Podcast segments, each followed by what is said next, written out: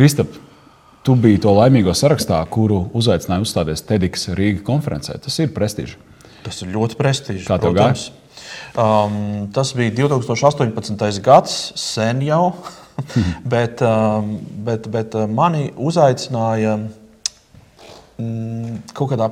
Bija, bija man liekas, divi mēneši palikuši līdz, uh, līdz tam pasākumam. Jā. Uh, un, un tas sagatavošanās laiks bija diezgan īss. Un es ielaidu diezgan tādā pēdējā tramvajā.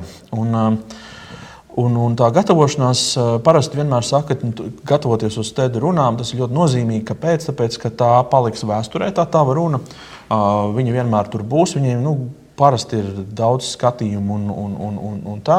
Un, ja tu esi uh, labi sagatavojies, tu sevi labi reprezentē, ir, tas var būt tāds liels, labs palieciens arī tavā karjerā. Tur ir arī kaut kāda merkantīva mērķa tajā visā. Bet ne par to mans stāsts. TEDx konferencē bija par korporatīviem slaidiem un to, kāpēc um, korporatīvie slaidi nogalina radošumu un patiesībā nogalina dzīves prieku. Jo, Oho, jo, jo stāsts īsumā ir par to, ka, ka tas, ar ko mēs nodarbojamies, bieži vien, nu, ja mēs strādājam kompānijās vai pat arī valsts iestādēs, ko esmu pamanījis, mēs ražojam slaidus. Mēs ražojam bezjēdzīgus slaidus, kurus tu rīt parādīs, un parīt par to visu jau būs aizmirsuši.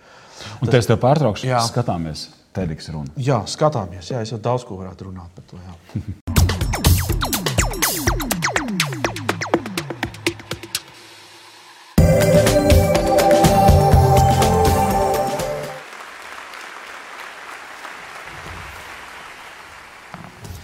I'm here today to talk about why regular persons get sick, why they burn out, there are so high suicide rates and there are negative numbers in demographics in the Western world.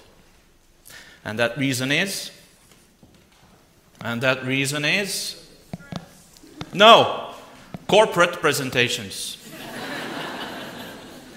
it took me 15 years in journalism, 8 years in presentation business, and 1,000 plus slide decks made with these hands to figure this out. And you will be the first audience today that uh, I will reveal all my discoveries. Today, I'm a voice also for millions of people out there who hate their jobs just because they're struggling with their corporate lives. And they're producing them close to industrial numbers, and they see no light at the end of tunnel. Ladies and gentlemen, the definition of presentation is very simple, yet sometimes confusing.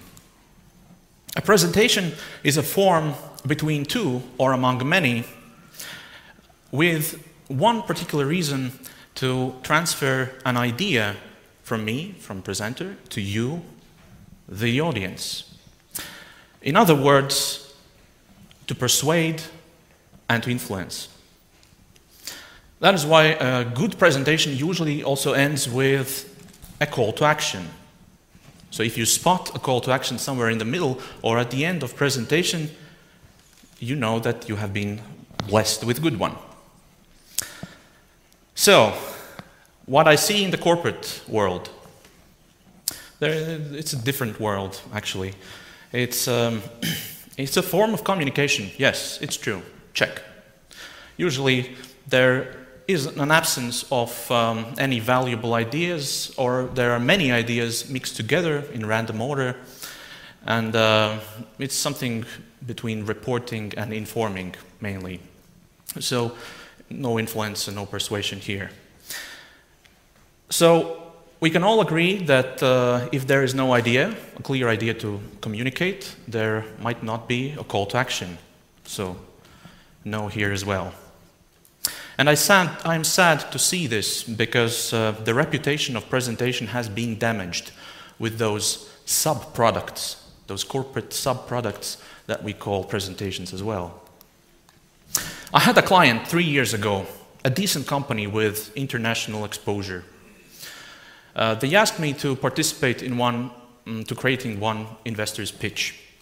And this is where I met their PowerPoint guy. Uh, let's call him Gary. Gary uh, was supposed to um, provide me with all the details necessary to make this pitch. And he, he welcomed me with a very genuine smile, with very warm handshake. He was very friendly. And the uh, first thing he showed me was his super, super tiny cubicle uh, in the very darkest corner of the unopened space office. So I kind of felt that I, I was the first person who landed on his sad and lonely planet.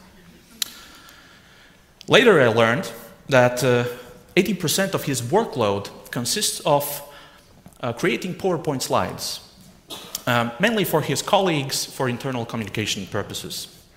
And only 20% of his time he spends um, doing what he loves, managing projects.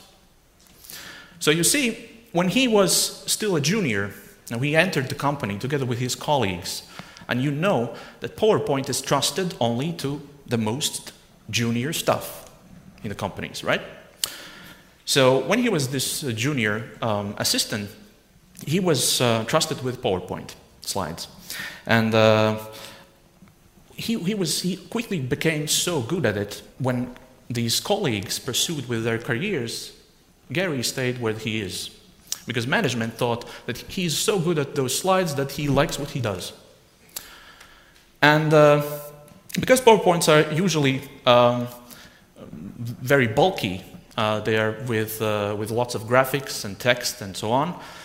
I was very surprised that when he said that uh, he is producing almost uh, around 100 uh, slides per day 100 slides per day. So this was his daily routine, full of graphs, text, charts. Uh, actually, I did a calculation. Uh, it's one slide in every four minutes. And uh, to be honest, uh, I'm not exaggerating here. Um, our slide designer back in the agency uh, is three times slower than Gary. So there's a huge difference, though. Uh, our slide designer likes what he does. Gary, on the other hand, is ready to kill to break free from this. So, long story short, we had an eye opening chat with Gary, after which he left the company and he joined another company in Netherlands uh, on a very strict condition. no more PowerPoints. And I kind of feel that I saved the guy's life.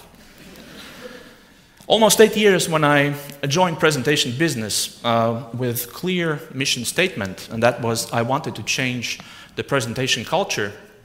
A couple of years later, I understood that my true mission is to save bright and educated minds from the den of corporate presentations.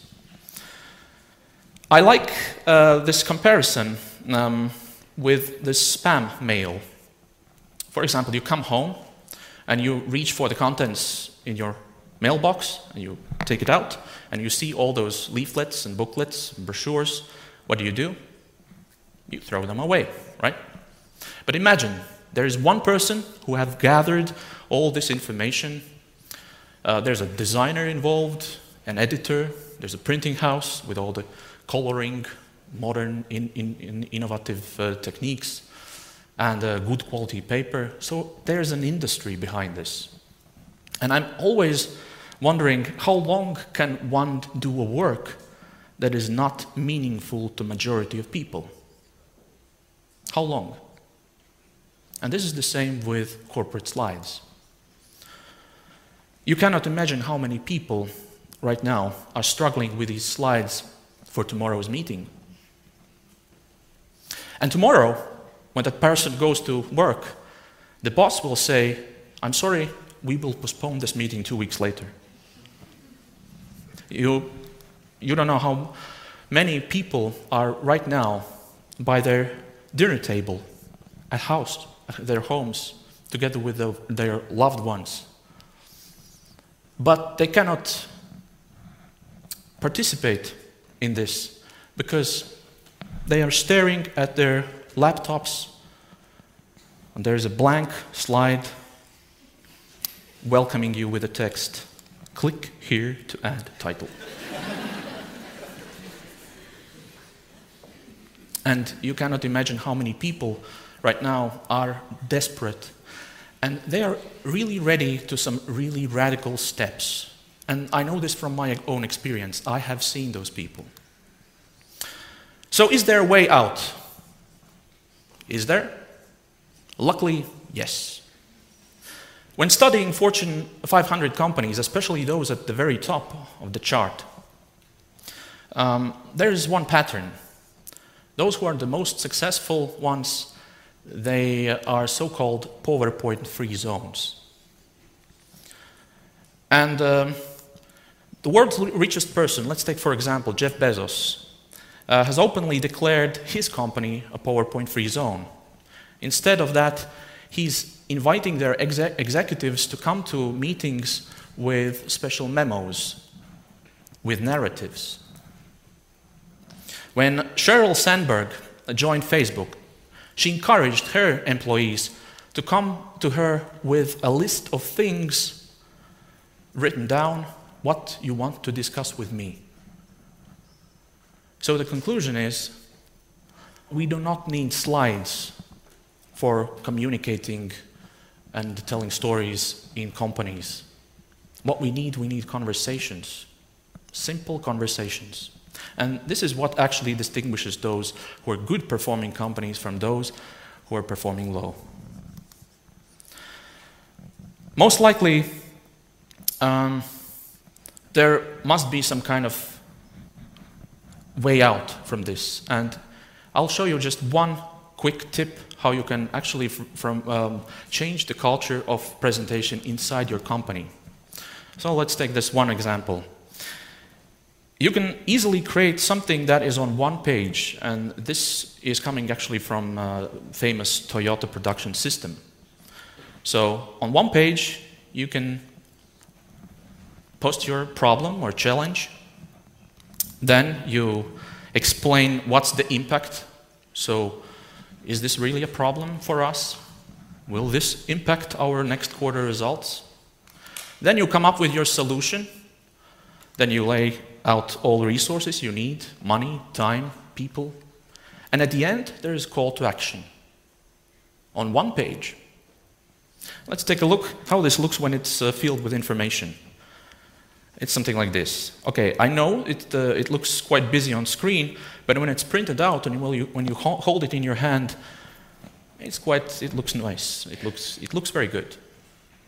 And we did some tests in several companies.